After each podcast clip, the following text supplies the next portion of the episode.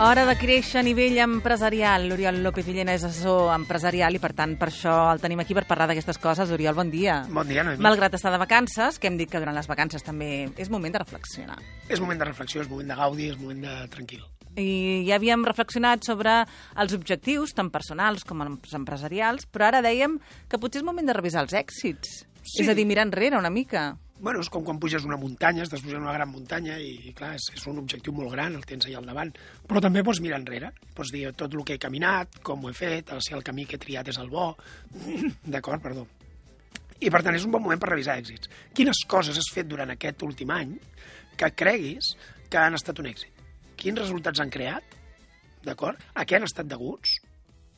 I, a partir d'aquí, com podries replicar-los? Clar.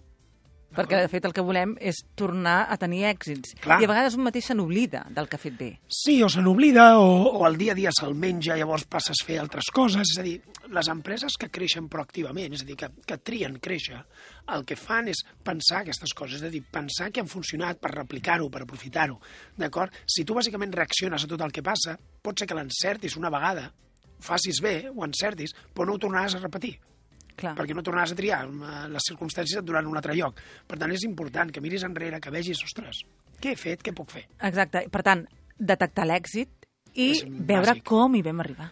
Com hi vam arribar? Per què? Per, Per poder-ho per saber-ho replicar. Clar. És a dir, has de posar dos tipus d'accions. Una és una acció per provocar-ho, per fer que passi una altra vegada, i l'altra és un altre tipus d'acció, que és una acció per aprofitar-ho, per treure'n més profit del que vas treure l'última vegada.